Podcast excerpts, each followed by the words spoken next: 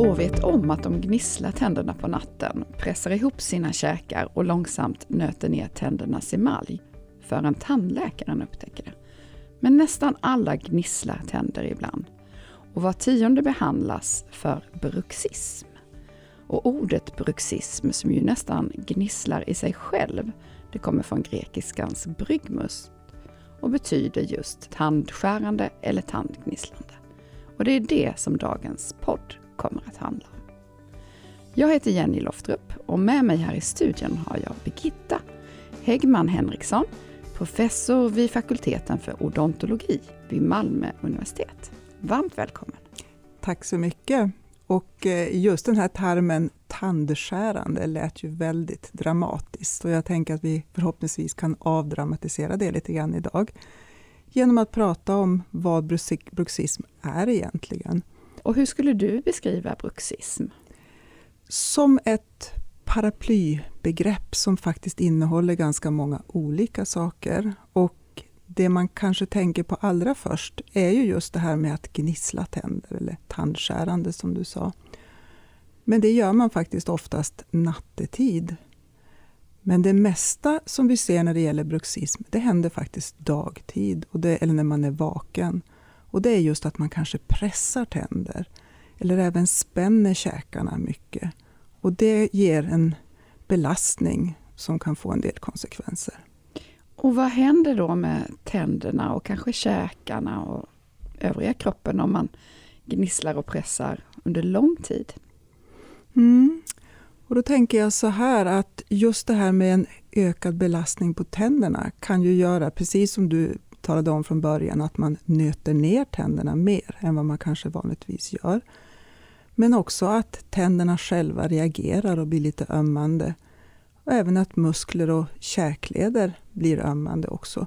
Du kan jämföra det lite grann med om du är en maratonlöpare och springer ett maraton på asfalt. Då blir det väldigt hårt. Ja. Och då kanske det är så att vissa individer får väldigt ont, till exempel i knäleder och höftleder efteråt. Man pressar då ihop under och överkäke med ganska mycket kraft. Hur, hur, hur starkt pressar man ihop sina tänder? Vi vet faktiskt inte riktigt hur starkt det här är. Det finns många olika mätningar som är gjorda, men det varierar ganska mycket beroende på hur man mäter. Jag tror att det man kan säga är att under dagtid så har vi lite grann ett skydd mot det här, att vi själva känner om vi pressar för hårt och då undviker att bita för hårt. På natten när man sover, då har man inte det här känslan och skyddet på samma sätt och då kan det faktiskt vara så att man gnisslar väldigt mycket. Och har man haft yngre barn hemma så kanske man ibland har hört hur barn kan gnissla tänder jättehögt så att det nästan skär i väggarna. Ja, och det skär i, i hjärtat också. Det är ett hemskt ljud. Ja. Och, eh, men som sagt var, det är just i den här åldern, i förskoleåldern och upp mot tio års ålder som barn gnisslar tänder extra mycket. Och sen så brukar det här lugna ner sig. Så att som förälder så är det ingenting som man behöver oroa sig för. Jag tänker på det här uttrycket att bita ihop. Det är alltså ingen bra idé att bita ihop. Men vad ligger bakom bruxismen? Hänger det ihop med stress? Och det här är ju jätteintressant därför att det är inte bara en sak som gör att man pressar eller gnisslar tänder utan som så många andra tillstånd som vi har så är det många faktorer som samverkar. Men framförallt dagtid så påverkar stressen oss väldigt mycket. Och där vet vi att vi alla reagerar olika på stress. En del människor kan faktiskt vara ganska opåverkade av stress medan andra påverkas mycket. Och då kan man till exempel vara en sån person som där det tar uttryck i att man pressar och gnisslar tänder mycket under dagen. Spänner inte bara käkarna utan även kanske nacke och axlar också. Och då helt enkelt belastar både käkar, nacke och axlar mer. Medan andra som känner sig stressade kanske får eh, ont i huvudet eller ont i magen eller sömnproblem. Precis, och, och, just det här med sömnproblem är ju intressant för att det tror jag vi alla har märkt att har du en stressig period så sover vi ofta mer oroligt. Och det man har kunnat se då är att när man har sådana här perioder när man sover mer oroligt generellt då gnisslar man också mer tänder på natten. Du håller också på med ett forskningsprojekt där ni använder en app som heter Bruksapp. Hur fungerar det projektet och vad är det ni försöker ta reda på? Ja, det här tycker vi är jättespännande för det är en eh, smartphone-applikation som eh, från början kommer från Italien men som har spridit sig och finns i mer än 20-25 länder i världen nu. Och vi har precis översatt den till svenska. Och Bruksapp kan man använda för att kartlägga lite grann ifall man har en sån här ovana som man kanske inte själv är medveten om. Så på det sättet så kan man ju medvetandegöra ifall man själv går och spänner sig eller gnisslar tänder under dagen. Ja, då är det under dagen, för på natten är det ju svårt att göra några reflektioner. Precis, vi vill absolut inte att någon ska ligga med mobiltelefon på natten, utan det här handlar om det som händer dagtid. Men vi vet att just det här med att pressa och, och spänna käkarna under dagtid är det som är väldigt stressrelaterat och är också det som man själv kan påverka, både genom att bli mer medveten om det, men även att försöka ändra sitt beteende. Och det kan den här appen hjälpa till med. Och det jag tror är viktigt att tillägga här också, att det här är inte en kommersiell app, utan den kommer att vara fritt tillgänglig. Och hur går det till? Är det då att man, ska, man får påminnelser, så ska man stanna upp några gånger under dagen och känna efter, pressar jag ja. ihop käkarna nu? Och... Precis, det påminner lite grann om en sån här mindfulness-app som jag tror att många känner till idag. Att då och då under dagen, helt slumpmässigt, så får man ett meddelande och då ska man rapportera vad man precis då gör med käkarna. Och det här är ett bra sätt att komma på sig själv, för man kanske spänner sig utan att vara medveten om det. Till exempel när man koncentrerar sig mycket eller sitter framför datorn eh, långa stunder. Så det tycker vi ska bli jättespännande att se hur vi kan använda den på ett bra sätt. Du håller ju på med ett spännande forskningsprojekt nu, MOPS, med unga vuxna och deras föräldrar. Vad är det ni vill eh, ta reda på i MOPS? Ja, och det här är ett väldigt spännande projekt som har funnits i några år och där man faktiskt tittar på flera generationer av Malmöbor. Och man tittar på en lång rad medicinska saker. Men vi har eh, anslutit till det projektet och tittar lite mer specifikt på både smärta i ansiktsområdet och ska även titta då på stress.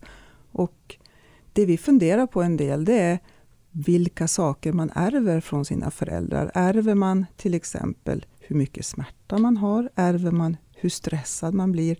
Eller man kanske ärver olika beteenden.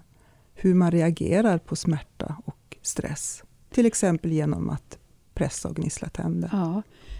Tänker du då på gener, att det kanske finns liksom en bruxism-gen? Eller tänker du att man lär sig beteenden av sina föräldrar? Jag tror att det är en kombination av det här. Och jag kan nog säga på en gång att jag tror inte att det finns en bruxism-gen. Eh, och vi har ju sett det med väldigt många eh, sjukdomar, att vi trodde ju att när vi började med genetikforskning, att vi skulle hitta specifika gener för olika sjukdomar. Och I vissa fall har det varit så, men i många fall så har man kunnat se att just det här att många olika gener samverkar och samverkar tillsammans med det som vi kallar miljöfaktorer, det som vi ser runt omkring oss. Och då tänker vi att en sån miljöfaktor är hur man ser att ens föräldrar beter sig, till exempel vid stress eller smärta. Eh, men hur är det, ärver man smärta av sina föräldrar? Eh, finns det på något sätt att man får lika mycket smärta som sina föräldrar eller att man ärver smärta på samma ställe i, i kroppen? Vad har ni för hypoteser om det? Ja, en av våra hypoteser är kanske inte att man ärver smärta på specifika punkter på kroppen, men att man kanske ärver en tendens att den smärta man har fått, om man till exempel har fått en nacksmärta, kanske har en tendens att sprida sig i kroppen. Och Det är något som vi ser varierar mellan olika individer. Att en del kan få en lokal smärta i ett knä, eller i ryggen eller i nacken. Men det stannar vid att vara en smärta i ett begränsat område. Medan andra kan ha så att man får en smärta i samma område men att den här smärtan över tid sprider sig till övriga delar av kroppen. Och Det tycker vi ska bli jättespännande att se när vi tittar över både två och tre generationer om vi kan hitta några sådana smärtspridningsmönster om vi kallar det så. Bruxism hänger också ihop med katastroftänkande. Mm. Alltså, vad är katastroftänkande? Och katastroftänkande är ju något som vi alla har då och då. Och det handlar lite grann om att man oroar sig för sånt som kanske kommer att hända. Man målar upp en katastrof, och det blir stort. Ja, precis. Ja. Och eh, i relation till smärta så kan det vara att man till exempel oroar sig för att man ska få ont vid en viss procedur. Eller ifall man har smärta så oroar man sig väldigt mycket för att smärtan inte ska gå över eller att den ska förvärras. Och det här är också en sak som varierar mycket mellan olika individer och påverkas ju givetvis av det, den erfarenhet som man själv har med sig. Men då är vi tillbaka lite grann på det här med personliga faktorer som kan göra att man är lite mer sårbar för att utveckla en långvarig smärtsituation. Och även att vara rädd för att röra på sig eller kanske vara rädd för att kanske träna eller eh, gå ut och gå eller vad det nu kan vara. Alltså rörelserädsla hänger också ihop med bruxism. Ja, rörelserädsla kanske inte hänger ihop så mycket med bruxism, men med det som du nämnde förut, katastrofering och med just långvarig smärta. Här har vi ju sett en ganska eh, markant utveckling i hur smärtvården i Sverige och i andra länder också är idag. Att Går vi tillbaka 20-30 år, då var det ju så att hade man ryggsmärta till exempel, så blev man ju ofta ordinerad sängvila. Mm. För man tyckte att man skulle mm. avlasta och vila så mycket som möjligt. Och idag så säger man precis tvärtom, att rör på dig lite grann hela tiden. Och det här är ju givetvis lättare att göra för en person som inte har rörelserädsla. De gör det naturligt, att även om man har ont så rör man sig lite grann om tandläkaren upptäcker att man har pressat tänder, eh, då så är ju behandlingen nummer ett är bettskena. Hur fungerar bettskenan? Ja, en bettskena hjälper till lite grann att skydda tänderna och ge lite avlastning också på både muskler och leder. Om, om vi är tillbaka till den här maratonlöparen på asfalt så är det nästan samma sak som att säga att Istället för att springa på asfalt så springer man i mjuk terräng. Ja. Och man kanske också köper ett par bättre löparskor. Eh, så att det som bettskena gör är att den ger lite grann tänder, muskler och leder en chans att återhämta sig. Och eh, lite grann som att eh, träna varannan dag istället för varje dag.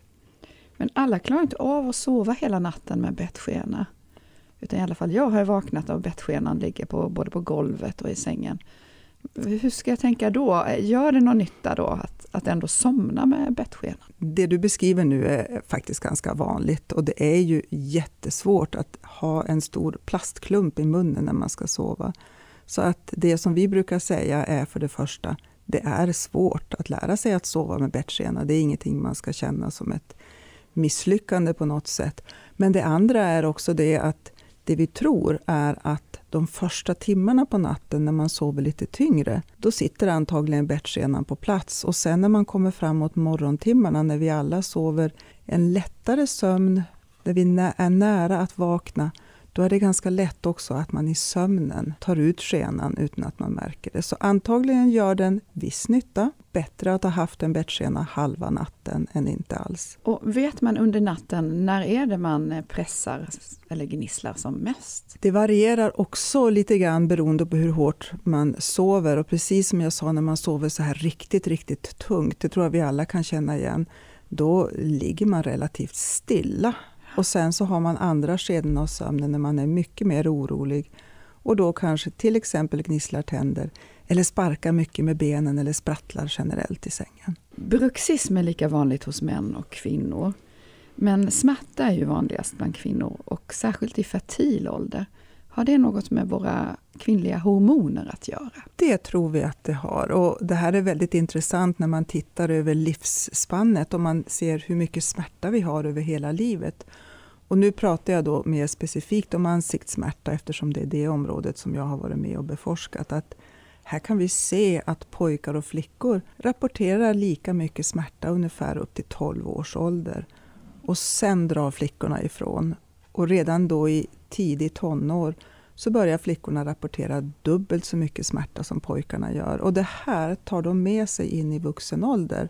Så att under hela den fertila åldern, fram till 55-60 ungefär, så har kvinnor mycket mer ansiktssmärta än vad män har. Och eh, sen efter fertil ålder så minskar det igen. Och med fertil ålder så menar jag ju de här åren när vi har mycket hormoner i kroppen. Och det är ju både mm. östrogen, det är en kaskad av olika mm. hormoner som samverkar. Så efter klimakteriet så minskar den här? Ja, då blir vi li lite mer som män igen. Något att se fram emot. Ja. Du forskar också på varför vissa människor snabbt sliter ut sina tandimplantat och andra kan ha dem kanske ett decennium. Varför är det viktigt att veta det? Och här är vi ju lite grann då inne på en av de konsekvenserna som bruxismen kan få. Vad händer om man belastar inte bara tänderna utan även konstruktioner som vi har satt både på tänder och på artificiella tänder, det vi kallar för tandimplantat, över tid. Och det vi har gjort då är att vi har satt konstruktioner i munnen som får utstå väldigt mycket krafter över tid. Och här kan vi ju se att bruxism är en faktor då som leder till mer nötning, mer frakturer och mer problem helt enkelt för konstruktioner som sitter både på tänder och på implantat. Jag förstår, då leder ju det till kostnader för individen men också för mm. tandvården. Men hur tänker då en tandläkare om det är en patient som gnisslar mycket tänder och, ska få ett eh, tandimplantat? Ja, där finns det ju två alternativ. Det ena är att man bara hoppas på det bästa. Och det andra är det som vi försöker hjälpa till med, att titta på vilka faktorer är de som verkligen påverkar hur bra ett implantat överlever under, över tid. Och då tänker jag så här att om vi ska bygga ett hus så vet vi ju redan när vi bygger grunden om huset ska vara en eller två våningar och så anpassar vi grunden efter det. Och på samma sätt kan en tandläkare tänka om man då ska göra tandkonstruktioner eller implantatkonstruktioner. Att om man har en patient som pressar och gnisslar tänder mycket så får man vara mycket försiktigare och bygga en stadigare grund. Och det är lite grann som att tänka att du bygger ett hus i ett område med mycket jordbävningar. San Francisco eller något mm. sånt. Eh, det finns också en behandling som är eh, omdiskuterad och det är botoxinjektioner eh, mot bruxism. Vad tänker du om, om det? Ja, och vi känner oss väldigt kluvna när det gäller botox, för det är lite grann ett tveeggat svärd. Det du gör med botox är ju att du behandlar symptomen och inte orsaken. Det, och, och det ja. funkar. Kan det vara då till exempel om man får mycket huvudvärk efter eh, att man har gnisslat mycket och så får man en botoxinjektion? Mm. Och det man har kunnat se i de studier som finns, det är ju att botoxinjektioner då i käkmuskulaturen minskar ju lite grann kraften i musklerna där, så att det blir ju mindre kraftutveckling. Men vissa individer får ingen alls hjälp mot smärtan av botoxinjektionerna och då blir det ju lite vanskligt att lägga botoxinjektioner i alla.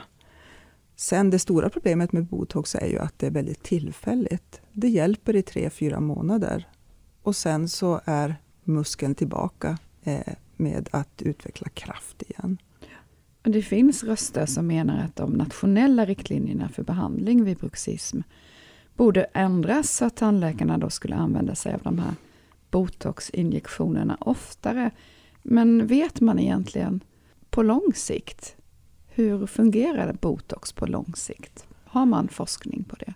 Nej, det har vi inte. Vi vet inte vad som händer med käkmuskulatur på lång sikt om du till exempel skulle lägga injektioner var tredje månad över en 20-årsperiod. Det finns vissa studier som har löpt över några år som ser att musklerna förtvinar lite grann. Och det är ju inte någonting som man vill ska ske över tid.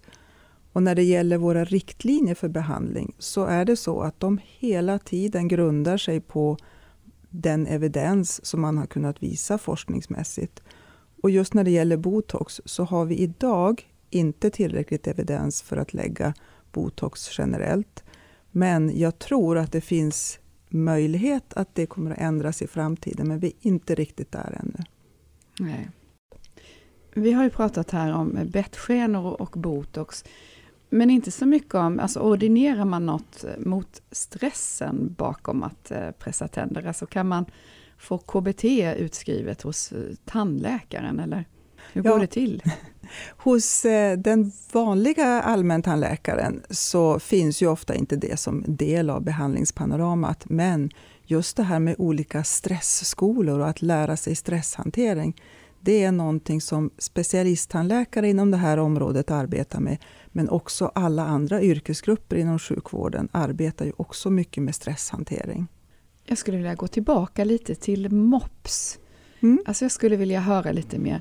Vad är det liksom för riskfaktorer som ni, som ni har arbetat med och som ni tror, som ni har en hypotes om att det kan ärvas från föräldrarna till de då unga vuxna barnen? Ja, vi ärver ju vissa saker från våra föräldrar, men inte allt som tur är. Så att vi får försöka titta på de saker som vi kan plocka ut. Och vissa socioekonomiska faktorer är ju med bland det som vi tittar på. Till exempel utbildning, ekonomi eh, och även då hur hård belastning man har. Alltså om man har kroppstunga yrken som belastar kroppen väldigt mycket så kan man ju tänka sig att det ger mer smärta i kroppen generellt. Ja. Men det vi framför allt tittar på är ju just det här med smärta i övriga delar av kroppen och hur mycket smärtan sprids. Och det är ju här, i det här pusslet, så vet vi ju inte riktigt hur det kommer att se ut ännu, utan det vi gör nu är att vi samlar in mycket data som vi sen ska försöka pussla ihop. Om man får ont i ett knä så går man till sjukvården och så får man behandling och man betalar efter den taxan.